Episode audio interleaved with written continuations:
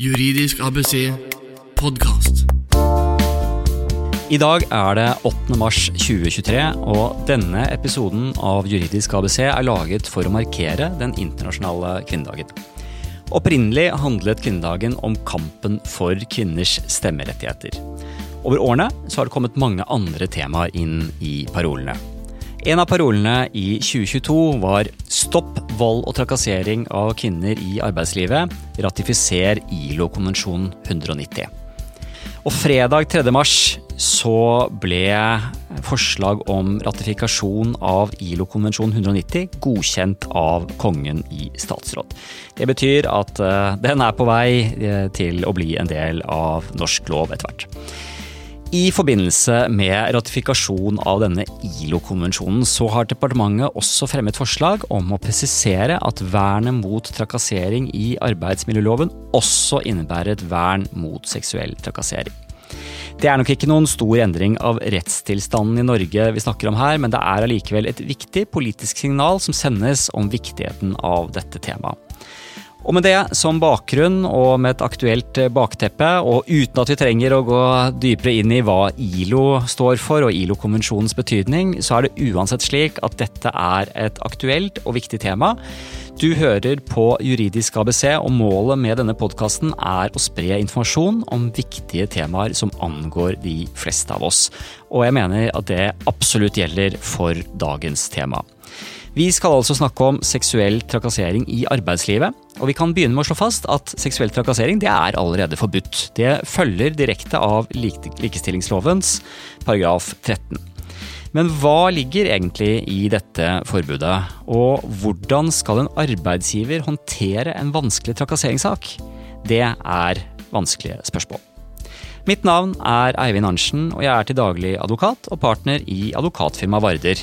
Og med meg i dag har jeg også mine gode kollegaer Åste Sandsberg og Vegard Hagen, som er her fra Varder. Så jeg begynner med å ønske velkommen til deg, Åste. Takk for det. Og velkommen til deg, Vegard. Veldig hyggelig å ha deg med. Mange takk. Og i like måte. Veldig, veldig bra. Vi eh, satt her litt i forkant av eh, innspillingen og, og snakket litt om aktualiteten knyttet til temaet. Det er klart Nå er det 8. mars, denne episoden går live, men det er jo dessverre sånn at dette eh, er et tema som egentlig ikke burde være aktuelt. Det burde ikke være noe vi tok opp på 8. mars i det hele tatt, tenker jeg. Men det har vært mange saker i media den siste tiden. Eh, og det har også vært noen tall som har kommet som vi syns er ganske nedslående. Eh, kanskje du hjelper oss litt? Du har jobbet litt med researchen her, Åste? Eh, ja, vi, jo, vi, er jo så heldige å ha en, en, stipendiat hos oss, eller som har skriveplass, og som skriver om diskriminering i arbeidslivet pga. graviditet. Så hun kan jo en del om dette lovverket, og hun har jo da vist til noen tall her som viser at 17% av unge norske kvinner har opplevd seksuell trakassering på arbeidsplassen det siste året. Eh, mot 4 av menn. Da.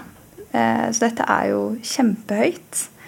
Eh, og særlig sett i lys av den siste tiden hvor vi har hatt en veldig sånn oppvask gjennom metoo, eh, så er det, dette fortsatt et problem da, som det er verdt å snakke om. Eh, og som kanskje mange heller ikke vet nok om. Da.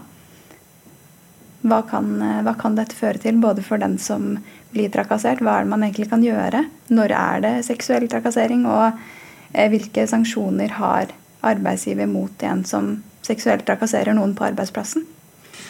Veldig aktuelle problemstillinger. Og jeg vet, uh, Vegard, det har jo vært en del saker på vårt kontor også knyttet til dette. Du har håndtert flere av de? Ja, vi har hatt flere saker det siste året på dette her. Eh, overraskende mange, egentlig. Eh, men dette viser jo disse tallene også at eh, et problem som har vært mye fremme i media, som har vært mye snakket om, det blir jo ikke noe bedre. Det ser ut til at det bare blir verre, egentlig. Dessverre. Og så ser vi jo også at det er masse dommer på dette de siste par årene. Eh, og da er det litt spennende å se eh, om man kan trekke noen linjer her, og se hvilke saker er det som kommer opp. Eh, hvilke saker når arbeidsgiver og arbeidstaker frem? Og man kan trekke noen noe lærdom av, den rettspraksisen vi har. Og det mener jeg at det kan vi jo nå, da. Etter et par år så har man fått en del dommer som, som gir oss noen holdepunkter. Mm. Ja, hvis vi bare tenker vi går litt tilbake. Eh, jeg tenker jo at dette burde være helt unødvendig å sitte og snakke om i 2023. Vi hadde bl.a. metoo. Eh, som alle husker, og som eh, definerte den tiden, nærmest, i 2017-2018. Internasjonalt og i Norge. Mange politiske partier hvor det var store prosesser. Og etter det så tenkte i hvert fall jeg selv at dette burde ikke være nødvendig å bruke så mye tid på lenger.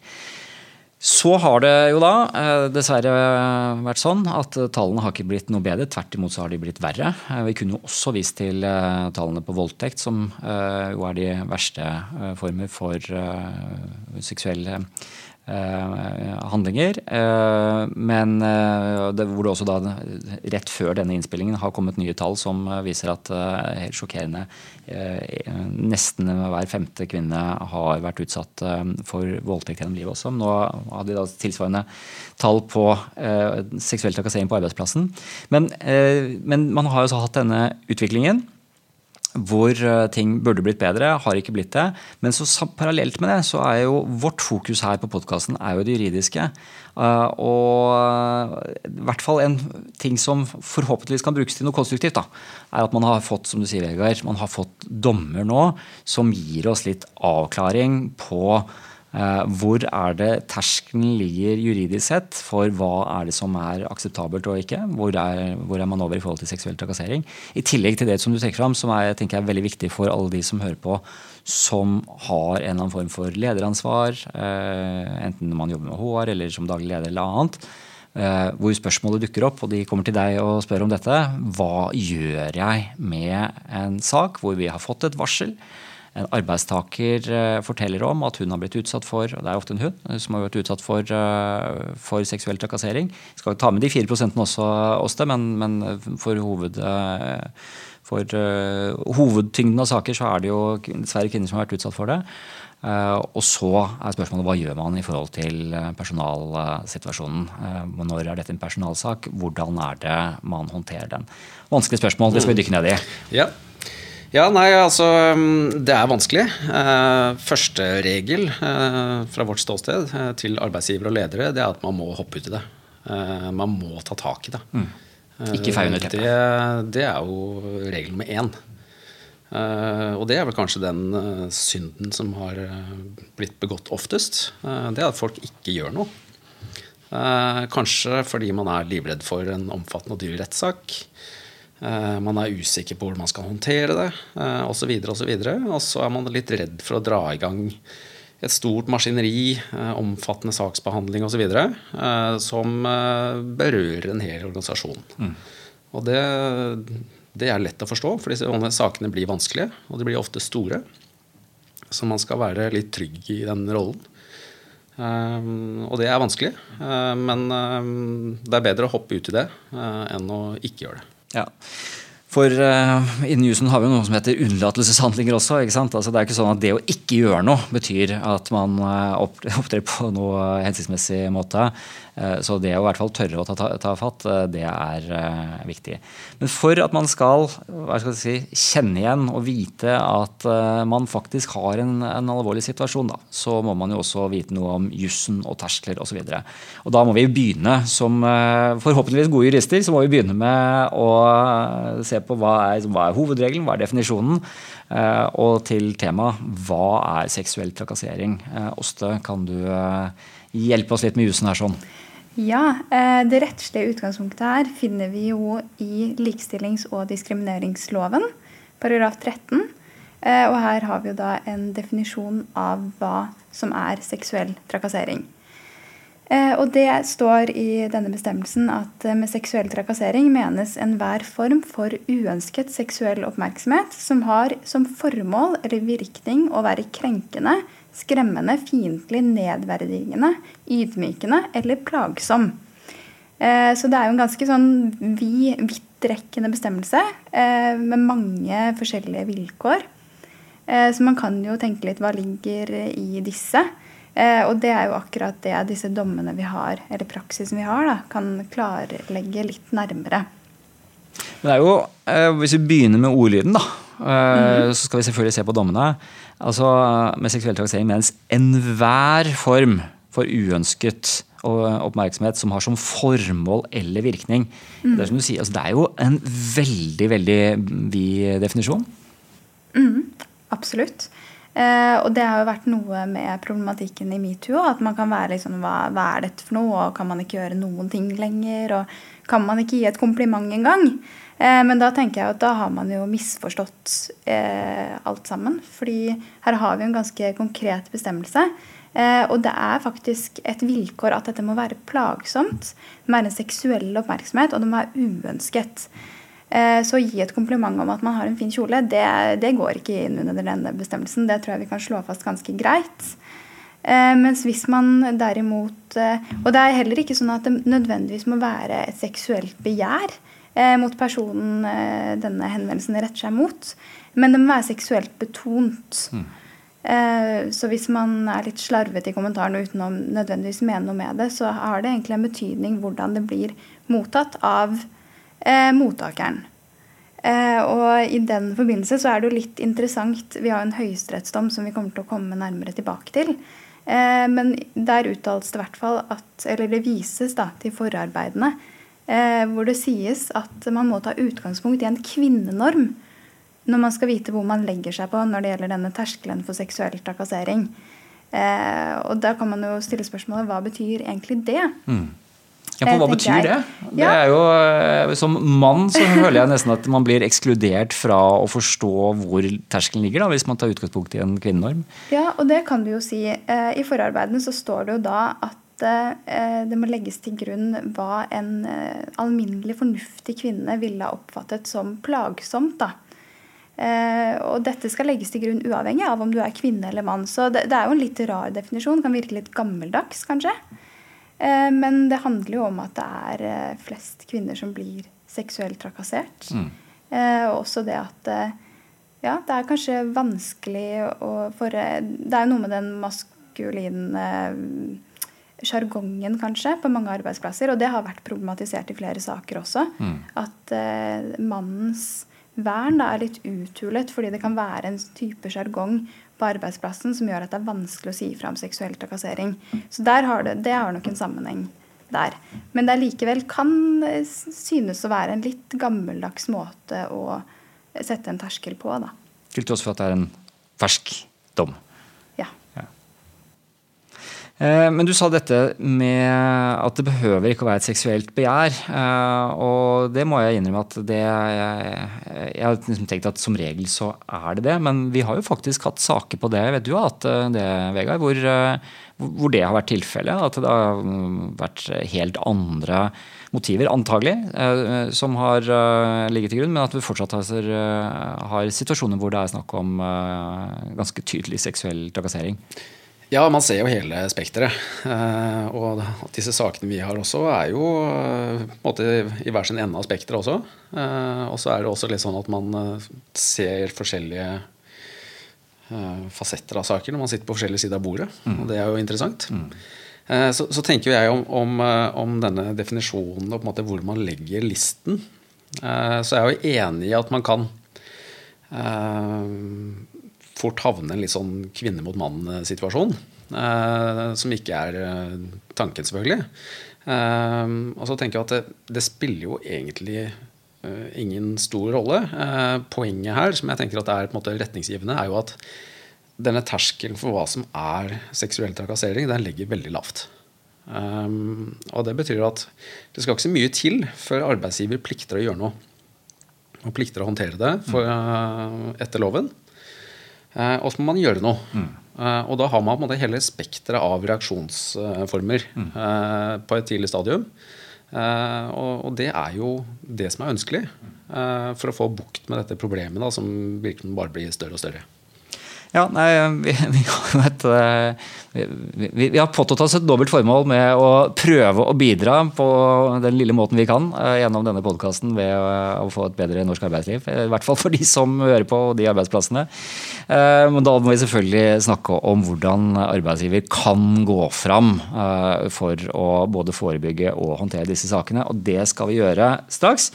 Men før vi gjør det, så tenker jeg vi bør si litt mer om eh, dette med eh, terskelen og dommer. Vi eh, har jo vært inne på den såkalte mekanikerdommen tidligere. Uh, vår felles venn Jan Erik Sverre var med på podkasten for et drøyt år siden, Vegard. Og da han hadde vært i, i Høyesterett med mekanikerdommen, som den var med på årskavalkaden den gangen. Eh, men jeg tror uh, En ting er når, når, Jan Erik snakker om det, han er veldig flink og vi har stor respekt for han osv. Uh, absolutt. Men så, vi, hadde en gjennomgang basert fra, på, hva skal jeg si, fra hans perspektiv, som, som, var veldig bra. Men jeg tenker at nå ser vi det på i mer sånn Hvordan er det denne blir forstått i ettertid? hvordan Eh, faller den inn eh, i si, dagens juridiske landskap. Eh, når den leses av f.eks. deg, Åste, som har sett på mekanikerdommen i forkant av denne podkasten. Og for de av lytterne som ikke har hørt noe om den tidligere, så er det uansett greit å få en oppfriskning. Hva var det som var tilfellet i den saken? Ja, dette var jo da dommen handler om en ung kvinnelig industrimekaniker Eh, og hun var lærling eh, på dette stedet, da, og der er det jo flere kunder. Eh, og det hun hadde opplevd, var jo da at en av kundene ved et tilfelle hadde lagt en hånd på ryggen hennes når hun satt liksom bøyd ned. og hun opplevde jo dette som da seksuelt betont. og den andre gangen så hadde en kunde oppsøkt denne dama og kilt henne ved midjen og klappet henne på baken. da. Eh, og så var det også en hendelse av at det var eh, den samme kunden som hadde eh, tatt henne på ryggen, hadde latt som at han skulle ta henne i skrittet. Um, og dette her var jo da en sak som gikk helt uh, til Høyesterett, noe som er interessant i seg selv. Mm. Um, og veldig bra, mm. for da får vi noen helt tydelige avklaringer her. LO som kjørte den? Mm. Ja. LO-advokatene? i hvert fall, ja. Eh, og da ble jo denne terskelen for eh, seksuell trakassering lagt ganske lavt for å si at dette er tilfeller av seksuell trakassering eh, som ga denne kvinnen rett til oppreisning.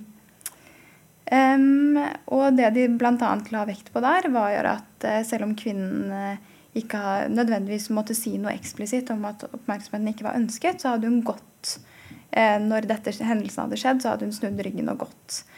og det var nok for å oppfylle vilkåret om uønsket, eh, f.eks.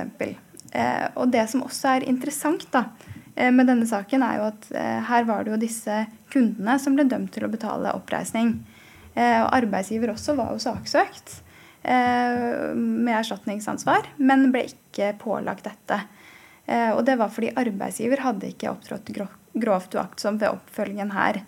Eh, Bl.a. fordi eh, hun hadde forsøkt, at ikke, og at denne dama ikke skulle ha så mye kundekontakt etter hendelsene.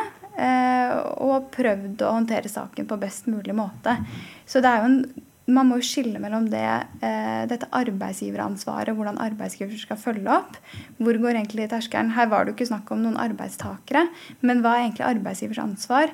når kan man da gå til oppsigelse? For her var det jo snakk om da et ren erstatningssak. da. Mm. Så den er viktigst for oss med tanke på å fastslå terskelen for seksuell trakassering, og da det ansvaret man som altså alminnelig borger her som, som, som, disse kundene kunne få. Eh, arbeidsgiver på sin hånd hadde gjort det man kunne i situasjonen, hadde ikke gjort noe noe galt i forkant, altså, og, og, heller eh, også da prøvd i etterkant å gjøre det beste ut av det, sånn som jeg forstår deg. Og... Ja, I hvert fall ikke noe grovt uaktsomt. Nei, nei, ikke sant. Det er jo ja. ja. Bra at du tar den, eh, den presiseringen. Så, så, arbeidsgiver gikk klar av ansvaret. Men mm. da sitter man med den andre problemstillingen, eh, som er praktisk viktig. Eh, hva hvis dette hadde blitt eh, begått av en kollega? Og ikke av en kunde. Hvordan håndterer man det da? Og jeg tror nok kanskje det det blir kanskje fort litt uh, synsing fordi vi jo kommer inn i dette som personalsaker. Det er klart at uh, Jobber man som servitør, så er det sikkert mange kunder som, som opptrer på en måte som, som er i strid med, med regelverket. Men vi kommer i hvert fall i kontakt med dette typisk ved at det dukker opp en varsel hvor en kollega blir anklaget for eller blir varslet på med tanke på å ha gjort noe mot en annen kollega. Eh, og Vegard, hva, eh, hva, hva blir vurderingene da? Hvordan håndteres det da? Nei, altså det, det som skjer da, er jo hvis man, eh, hvis man er ansvaret bevisst, at man må jo første er jo å finne ut av hva som har skjedd. og da må man jo sette seg ned da, og kjøre en prosess på å avklare hva som faktisk har foregått.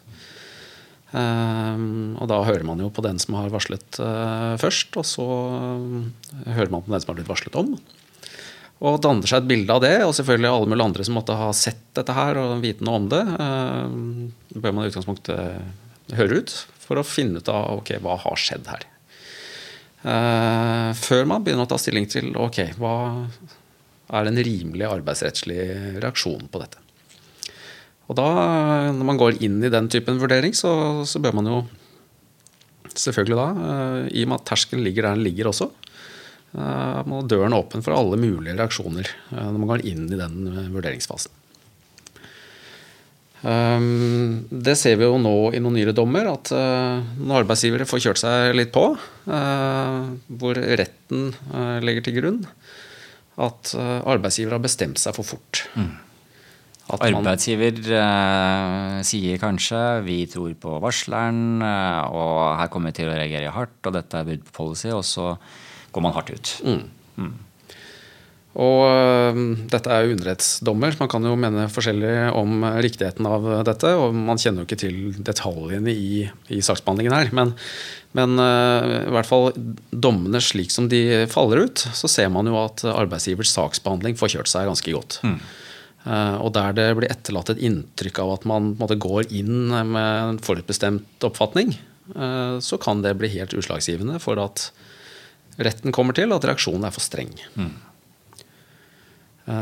Så nettopp i det lyset så henger dette litt sammen da, med at man, man har hele verktøykassen måte, til disposisjon når man går inn i disse vurderingene, og at man da prøver å holde et åpent hode i forhold til hvordan dette skal falle ut til slutt.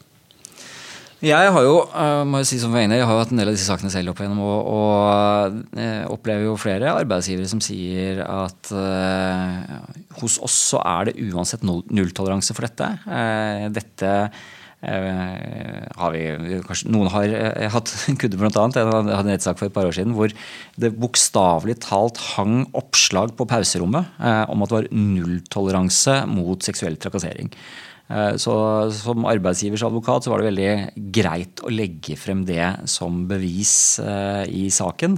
Eh, det er bokstavelig talt skrevet på veggen at her er det nulltoleranse. Og kommer det da en seksuell trakassering, så kan i hvert fall ikke arbeidstaker høres med at man ikke var klar over hvor lista lå. Og det sto også rett ut at man måtte regne med en, en sanksjon og i verste fall en avskjed. Men som du sier, da så, eh, så, har man da nyere dommer, eh, underrettspraksis, hvor retten er ganske streng overfor arbeidsgivere dersom man kunne valgt mindre inngripende tiltak enn avskjed, som jo er eh, den naturlige reaksjonen som man avslutter arbeidsforholdet på dagen.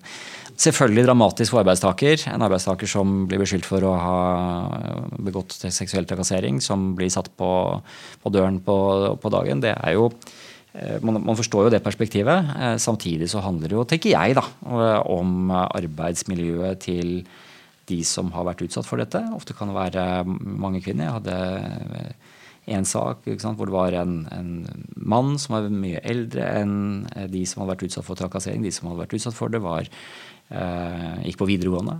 Var unge jenter. Eh, stor negativ betydning for arbeidsmiljøet. Man forstår jo eh, bilde i forhold til eh, at arbeidsgiver ønsker å gjøre tiltak. Men så sier du, Vegard, eh, man må bruke hele verktøykassa. Man må i hvert fall vurdere hele verktøykassa. Og da snakker du om alt fra advarsel til avskjed, eller? Ja.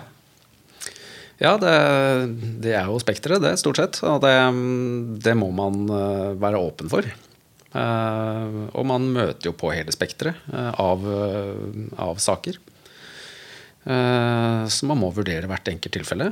Hvordan vurderer man det? ja, det er, det er, jo ikke noe enkel fasit. Men det, vi kommer vel inn på noen flere momenter her etter hvert. Men, ja. men, det er klart at, at det, man må jo hensynta den andre siden her også. Eh, så man har jo på en måte det paradokset at, at, at, på at måte, jo mer tungtveiende hensyn det er på arbeidstagersiden her, altså den som da har trakassert, jo mer skal det jo til for at man kan gå til oppsigelse og avskjed. Det kan jo virke urimelig i det enkelte tilfellet. Og hvis man på en måte har en nulltoleranse som sier at det, her er det nærmest en automatikk at man skal reagere, da, så, så, blir jo det gærent. Så man, jo, man kan gjerne ha nulltoleranse, Eh, og jeg tenker at det er veldig bra. Eh, og jeg tenker at eh, altså de tallene vi var inne på i starten Uh, altså, her må man jo dra til. Ja, det må jo komme en. En, det må komme en endring, mm. og den kommer jo ikke av seg selv. Mm. Så det er kjempebra at man, man, kommer med den typen erklæringer, og at man da står bak det. Uh, samtidig så må man være åpen for at uh, ja, i den enkelte saken så er det ikke grovt nok til at det kan eh, gi grunnlag for oppsigelse eller avskjed. At man må gå veien om en advarsel. Mm. Ja, eh, Er det noen andre ting å tenke på her som arbeidsgiver, tenker du Åsta, i disse vurderingene? Eh, ja, det er jo det. Eh, det er jo noen nyere dommer her også som er ganske interessante. sånn eh, Hvilken betydning har det, denne vurderingen av om det er seksuell trakassering eller ikke? Mm. Eh, det var både en lagmannsrettsdom fra 2021 eh, hvor det var snakk om eh, en avdelingsleder som ble sagt opp pga. han hadde en atferd overfor yngre kvinnelige medarbeidere. Hvor han bl.a. hadde sendt litt meldinger, og han hadde hatt litt blikking på et julebord. Og også hatt en uønsket massasje. Og da hadde arbeidsgiver nulltoleranse og sa han opp. Eh, men retten var uenig i denne defineringen av seksuell trakassering og mente at dette var ikke, eh, dette var ikke nok til å oppfylle grunnvilkåret om seksuell oppmerksomhet. Eh, så den oppsigelsen var ikke gyldig. Så det er litt interessant det der med at det, være, det er en terskel her, da, viser jo denne rettspraksisen. Og så har vi en annen dom som er enda nyere, hvor det var snakk om en seminarmiddag Eh, hvor en arbeidstaker eh, hadde en samtale med en kollega hvor, eh, som var av ganske grov karakter. Hvor det var snakk om seksuell preferanse og eh, sexleketøy og sånn. Og så til slutt så syntes hun det ble så ubehagelig at hun måtte dra fra middagen. Eh, og dette er, jo da, dette er jo seksuell trakassering, og det sa retten også. At dette oppfylte det grunnvilkåret. Men likevel så var avskjed en altfor streng reaksjon. Eh, og her la jo rekten vekt på eh, mye forskjellig, som er ganske interessant sånn når man skal vurdere disse tilfellene og se på. Eh, noe som var veldig sentralt, var at denne arbeidstakeren som hadde kommet med disse utsagnene, hadde gitt en helt uforbeholden unnskyldning. Han hadde aldri gjort noe lignende før. Arbeidsgiver hadde ikke noe å utsette på han gjennom hans arbeidsforhold ellers. Eh, og det, det, ga god vekt, for det tilsa jo da at han ikke ville gjøre noe lignende i fremtiden. Mm. Eh, og så er Det som også var litt interessant her, som vi også snakket om i stad, er jo dette med alkohol eh, under slike jobbmiddager. Eh, for her ble det sett på egentlig som en litt formildende eh, omstendighet. I hvert fall synes det som at retten legger vekt på det i den retningen. Eh, og det er jo interessant, særlig da fordi det var et arbeidsgiver hadde servert alkohol på arrangementet.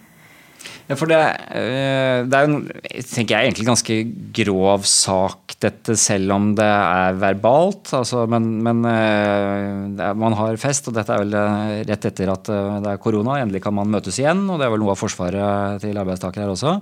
Eh, men, men, men, man har en sammenkomst på jobben. Eh, det er jo sannsynligvis god stemning. Det serveres alkohol osv. Men så begynner vedkommende å lene seg over, hviske inn i øret, og det er liksom Vi kan ikke gjenta det nå, fordi dette er en clean podkast. Da, da, må vi ha sånn e-merking av den med en gang. Men det er, det er, det er grovt. Det er, det er, ganske visuelt og grovt, det som står gjengitt i, i dommen, med hva han spør om, og hva han tenker, og hva han mener, og hva han vil. Men Eh, forsvaret er eh, jo da litt spesielt her sånn ved at han sier at eh, for det første dette med som jeg var inne på, altså, det har vært korona. Det, det, det, hva er det han sier for noe rundt det, Vegard? Det var et begrep der sånn som du fant. Det var jo ganske voldsomt. Det var overtenning eller et eller annet fordi det var uh, lenge siden han hadde vært på fest. Det var et par, par år siden sist, ja. ja mm. uh, så det er jo relativt spesielt, uh, for å si det forsiktig. Og så Eh, er det dette med at han nærmest legger skylden på arbeidsgiver. Eh, fordi eh, det er jo arbeidsgiver som har kjøpt og servert og, og stått for alkohol, sånn sett. Og at det nær sagt er arbeidsgivers skyld at han har opptrådt på denne måten. Hva tenker du om den tilnærmingen der, Vegard? Nei, jeg blir ikke umiddelbart fenget av den innfallsvinkelen. Men retten blir jo litt det. Ja. Og det er jo spesielt. Nå er det tingrettsdom, så det må vi jo si. Det er jo ikke Høyesterett, dette, men allikevel. Det, det, er en tingrettsdom uh, som jeg jo syns er veldig godt skrevet. Uh, men en del av vurderingene som gjøres der, syns jeg vel uh, arbeidsgiver kommer litt uheldig ut av. og det er litt det vi var inne på i sted, at, og det sier jo sies jo veldig tidlig i dommen, så det virker som dette har hatt veldig stor betydning for utfallet. At uh, dommeren mener at her har man bestemt seg tidlig. Mm. Uh, Saksbehandlingen er uh, under kritikk, da? Saksbehandlingen var for dårlig. Uh, det skrives vel noe sånt som at prosessen bar preg av å være for ensidig, med et overdrevent fokus på å vise handlekraft. Mm. Så det virker jo sånn at dette har vært veldig utslagsgivende. Eh, og så har det kommet en rekke ting i tillegg her da, som eh, både har fulgt med badevannet i, i den vurderingen, mm. som har blitt uh, for mye til sammen her, da.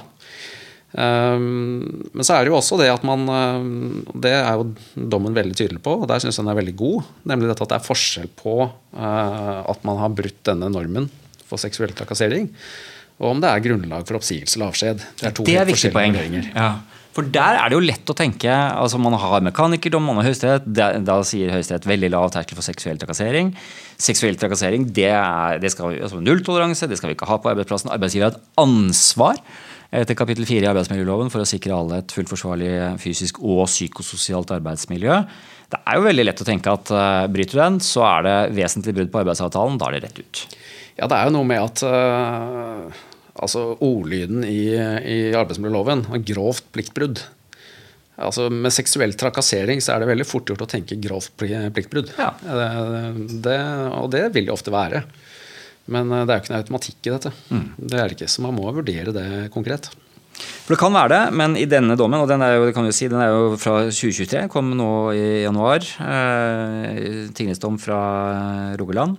Men eh, men der kommer altså retten til at terskelen ikke var oppfylt. Det var for grovt øh, for arbeidsgiver da, øh, å, å velge avskjed som, øh, som, verktøy. Det var for, for inngripende.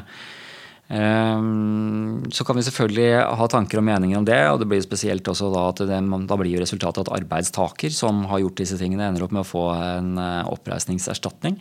Eh, men jeg tenker at vi bør dvele litt mer med det som du er inne på sånn i forhold til dette med saksbehandling. Her sier du retten eh, legger vekt på at arbeidsgiver hadde vist for, liksom, for stor vilje til å demonstrere handlekraft. Eh, og saksbehandlingen var forutinntatt. Så det ligger litt i natur, sakens natur her, sånn, men du kan jo si litt om det likevel, Vegard. Hva, når, når, du rådgir her sånn, eh, hva er den gode måten å gå fram på som arbeidsgiver? Vi var inne på dette med å undersøke i sted, men hvordan gjør man den personalmessige prosessen, slik at man unngår å gå i eh, samme felle eller havne i samme situasjon som arbeidsgiver gjorde i denne dommen? Altså jeg, jeg, tenker at det er like enkelt som det er vanskelig. Uh, og det er jo nettopp at man, man går inn i det med et, med et åpent sinn. Mm. Uh, man er her i prosesser hvor med en gang uh, dette trakasseringskortet trekkes, Så kommer det inn uh, om det er tillitsvalgte, om det er advokater, hva det er. Konfliktnivået blir ganske høyt med en gang. Eh, og det er veldig fort gjort at man både velger side, eh, og så har man valgt eh, kampen. Eh, og, det er ganske naturlig at det bare følger litt av prosessen. Mm. og da blir det enda viktigere at man har litt is i magen. Og at man går inn i disse samtalene man har, eh, og virkelig gjør det man kan for å avdekke hva som har skjedd. Eh, og det høres jo veldig lett ut, eh, og det kan det jo være. Eh, men det er jo også sånn at du Det du ikke avdekker da, eh, det får du i fleisen i neste runde. Eh, Så arbeidsgiver har alltid igjen for å gå inn i den prosessen og virkelig gjøre sitt beste for å finne ut av hva som har skjedd. Eh, Fordi her kommer inn advokater fra andre siden, eh, eventuelt en dommer til slutt, og, som skal inn og vurdere den jobben og får et annet inntrykk.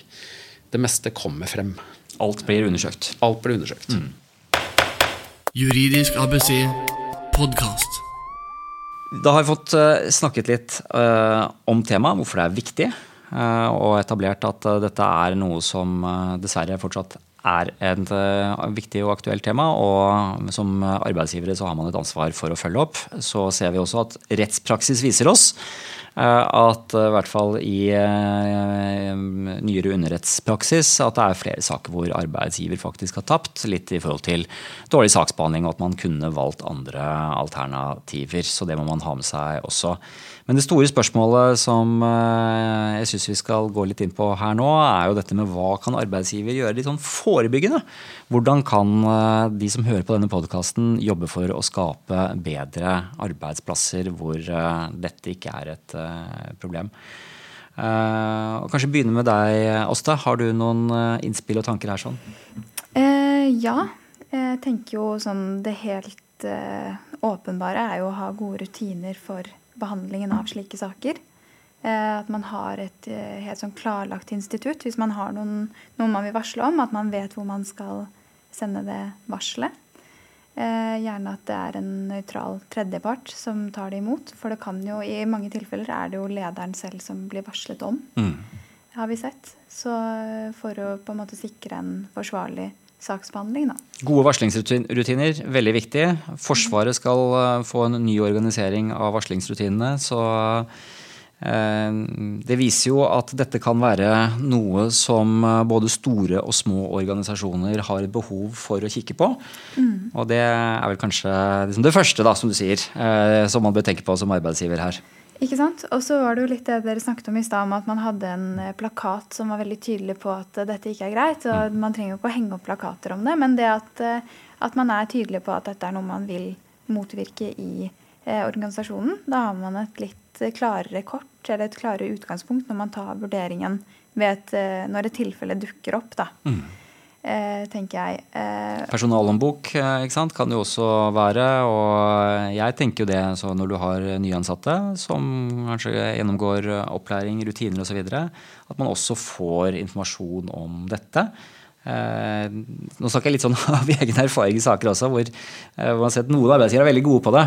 Og sørger for at man kan liksom bokstavelig talt krysse ut på skjema at man har gått gjennom f.eks. rutinene for seksuell trakassering. Da har man jo det i ettertid. Eh, og til deg, sant, Vegard, du sa dette med grovt pliktbrudd. Plikt, altså brudd på arbeidsavtalen. Altså hvis eh, normene og reglene for, som gjelder på arbeidsplassen, både i forhold til seksuell trakassering og andre ting, men hvis det inngår som en del av arbeidsavtalen, eh, så er det kanskje lettere for arbeidsgiver å bli hørt med at man reagerer på et eh, brudd. Ja, så er det jo alltid rydde med en sånn knagg, da. Eh, Det er så lett å henge, henge en sak på en knagg. Eh, Så tenker jeg også Knagger er bra. Eh, Og så tenker jeg at det, der, eh, det senker jo terskelen for å varsle om ting også. Så man, man kan varsle om ting som ikke er så alvorlig, før det kommer verre ting. Og for den som er ny et eller annet sted, kommer inn og er usikker på er dette noe jeg skal ta opp, så får, får man klar beskjed om at ja, det er det, og hvordan man gjør det. Og det er jo formålet med reglene. Det er hele vitsen. Så tenker jeg det er helt utmerket. Bra. Så varsling, det å jobbe med varsling, både sikre gode rutiner og gjøre de kjent, eh, både på å si positiv og negativ eh, forstand, både som en, en, en, en mulighet og viktig kanal, men også som en plikt. Veldig viktig. Eh, absolutt. Eh, og det å sikre at man har gode rutiner, vil jo kanskje også gjøre at det er lettere å varsle med navn. For det er i hvert fall, eh, Jeg har jo tidligere jobbet i staten, og det er veldig vanskelig å behandle anonyme varsler. Mm. er vår erfaring da, For da er det vanskelig å sikre kontradiksjon, det er vanskelig å sikre en god behandling videre når man ikke vet hvem saken gjelder. så det er mange, mange nyanser her. og så har vi sett litt Jeg har jobbet litt både med deg og Vegard om sånne saker som dette. Eh, og vi har jo sett det at På arbeidsplasser så kan det også være et argument at eh, ja, men vi har jo hatt en, en seksuell humor eller sjargong på arbeidsplassen. Eh, så dette er ikke noe nytt, og dette tåler vi her. At man kan bruke det som et argument. da. Og det er jo ganske uheldig, rett og slett. Og det har jo også praksis vist at dette det er ikke et godt argument. Eh, det er noe man skal eh, som arbeidsgiver sikre at det ikke er på arbeidsplassen. For det kan jo da være en type grobunn til at slike hendelser kan skje. Mm.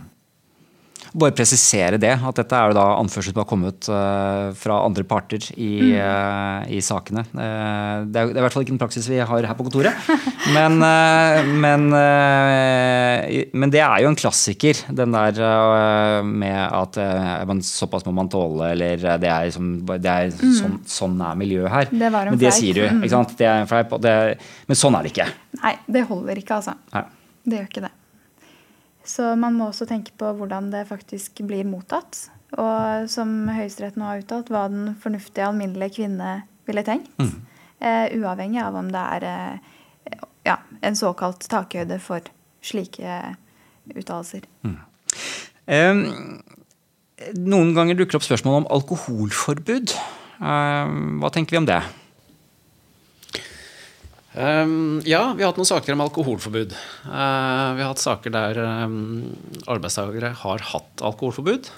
Uh, og vi har saker, eller dommer, der uh, arbeidstakere har tilbudt seg å underlegge seg et alkoholforbud i stedet for å bli sagt opp. Mm.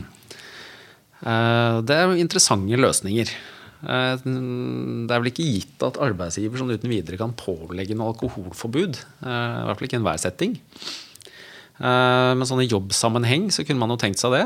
Eh, og man kan jo også tenke seg at det på en måte kunne vært en løsning, kanskje, i noen saker. Da tenker du individuelt for den det har vært en utfordring knyttet til? Da? Ja, altså man kan jo um, tenke seg et eller annet tilfelle. Da. Altså, altså, trakassering er et problem i samfunnet, og alkohol er et problem i samfunnet. Eh, man kan ha ansatte som har jobbet et sted i 20 år, og så gjør de noe skikkelig dumt i fylla. Eh, legger seg paddeflate, beklager overfor alle eh, og sier at jeg underlegger meg alkoholforbud. Jeg skal ikke drikke alkohol de neste fem årene, sånn at dette her ikke skjer igjen. Mm. Så tenker jo jeg at hvis det tilbys som en løsning, så er jo det, ville jo jeg vektlagt det som arbeidsgiver. Man er jo da i en helt annen situasjon enn med en arbeidstaker som sier at nei, dette har ikke skjedd. Uh, varsleren ljuger. Uh, det er en helt annen setting. Uh, så jeg, jeg, jeg ville jo vektlagt det på arbeidsgiversiden. hvis det ble foreslått som en løsning. Helt klart. Mm. alt dette handler jo da om personalsaker og om den som har gjort noe galt, kanskje. hva med den som har opplevd disse tingene? Eh, hva, hva, gjør man med varslerne? Hvordan skal man ivareta varslerne på en god måte, tenker du Åste? Eh, nei, jeg tenker jo at eh, det er veldig viktig å ivareta de på en god og samvittighetsfull måte. Kontradiksjon er jo superviktig og helt grunnleggende i de sakene her. Så det å sikre at de blir hørt og får sagt alt de har på hjertet, og også det å sikre en effektiv og ryddig saksbehandling hvor de blir løpende orientert, er veldig viktig. Eh, og så er det jo også viktig å være helt klare på at eh, for å kunne behandle sånn type varsel, så er det jo viktig å kunne videreformidle det det er varslet om, til mm. personen det gjelder, f.eks. For, for der også kan det jo være litt problematikk med innsyn og hva slags rett har egentlig omvarslede til det. Så jeg tenker jo det er, ja, det er et viktig utgangspunkt å begynne der. Eh, for det er jo fort sånn at hvis saksbehandlingen tar lang tid, så er det veldig vanskelig å stå i stillingen for den som har varslet. Mm. Særlig hvis det er en nær kollega. Men arbeidsgiver har jo en plikt til å ivareta den som varsler, eh, mm. og sikre vedkommende et eh, fullt forsvarlig arbeidsmiljø. Det, det, har man jo alltid, men det er jo en skjerpet plikt da, mm. når noen har varslet. ikke sant? Absolutt. Men du er inne på noe. Uh, nå skal vi ikke ta og dra dette til å bli en uh, Vi kunne jo hatt en egen episode om dette med hvordan håndtere varsler. Uh, men allikevel et poeng der sånn. Du sier dette med anonyme varsler i, som du har vært borti når du jobbet i staten. Men en annen klassiker, og som er en sånn fallgruve, tenker jeg, er der hvor det kommer en arbeidstaker og sier at jeg har lyst til å fortelle om noe. Uh, sier jeg til leder, men, men, du må ikke ta det videre. Du må ikke fortelle noen at mm. jeg har varslet. Uh, for det er jo helt umulig, uh, dessverre, som arbeidsgiver, og, på noen som helst måte garantere for det. For blir det en prosess så blir det en sak, så kommer jo alt på bordet. Er det ikke sånn, Vegard? Det gjør det. Det er ikke noe å tenke på. du, kan ikke, du, kan ikke, garantere noen at de er anonyme i en undersøkelsesprosess? Nei. Ja. Og så det jo, ligger det vel ofte litt sånn i sakens natur òg at uh, hvis du kommer med et, i hvert fall hvis det er et alvorlig varsel, da, uh, så er det jo sjelden du er anonym. Mm. Uh, med mindre det er 150 andre som har blitt utsatt for det samme, så, mm. så vet man som regel hvem det er. Ja. vi har jo hatt noen saker hvor det har vært blackouts og sånn, hvor den som da ble anklaget, ikke husker noe som helst. Så det finnes jo unntak, men normalt så vet man jo hvem det er. Eh, så, men altså, man kan jo skjønne eh, belastningen som ligger i å stå frem som varsler. Det har vi jo sett i de sakene vi har hatt, at den er jo ofte veldig stor. Mm. Så ønsket er jo veldig forståelig. Mm.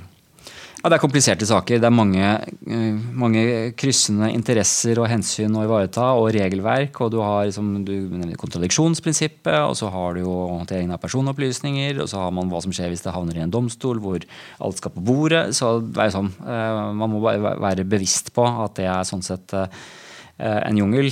Og som vi sa, altså, i hvert fall ikke gå for langt i å, å, gi garantier, tror jeg er veldig viktig som leder. Men man skal jo samtidig være veldig oppmerksom på at man da har en aktivitetsplikt eh, til å ta tak i disse sakene.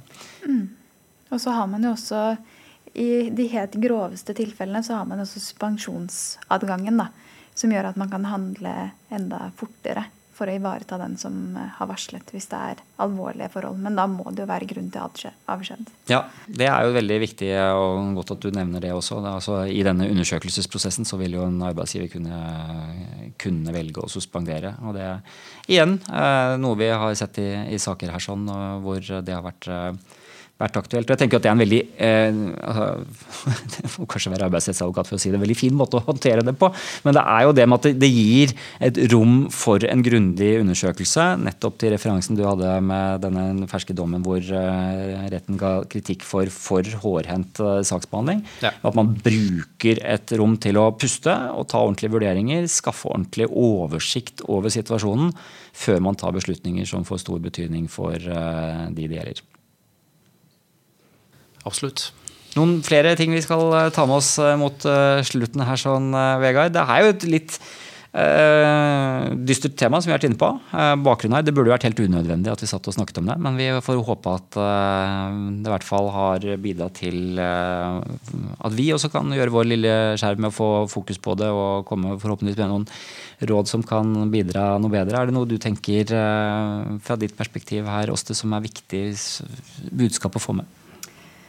Um, nei, jeg tenker jo egentlig litt som vi gjennomgående har sagt hele tiden her, at det er, det er veldig viktige saker. Det, det, krever fokus. Og det krever at arbeidsgiver har ressurser og kompetanse til å jobbe med det. Uh, og I den sammenheng så kan det jo da være aktuelt å, å hente inn hjelp utenfra. Eller hvis man er en større virksomhet og har en HR-avdeling som faktisk spesialiserer seg på det og klare å ta en upartisk og litt nøytral vurdering. Da. For i mindre avdelinger så kan jo dette være skape stor konflikt og skape splid, rett og slett. Sånne saker, hvis de, hvis de ikke blir ordentlig behandla. Mm. Helt enig i det. Gode, gode tanker, det. Og så er det jo kanskje sånn, som uh, har vært sagt ofte på denne podkasten, at uh, det at partene snakker sammen, er uh, bra. At man tar opp temaet og snakker om det på arbeidsplassen. Behøver ikke gjøre sånn som vi gjorde nå, hvor vi satte oss ned og hadde en podkast om det. Men, eh, men, det var, i hvert fall én måte å gjøre det på. Uh, tusen takk for at dere tok dere tid i en hektisk hverdag for å dele litt her sånn. Og så er jo det, dette en episode som går på lufta 8. mars, så vi kan kanskje avslutte med å gratulere alle kvinner med dagen. Mm. Absolutt. Gratulerer med dagen. Og takk for at vi fikk eh, komme på podkasten. Takk for eh, en hyggelig prat, selv om det var et alvorlig tema. Juridisk ABC podkast. Tusen takk for at du hørte på Juridisk ABC.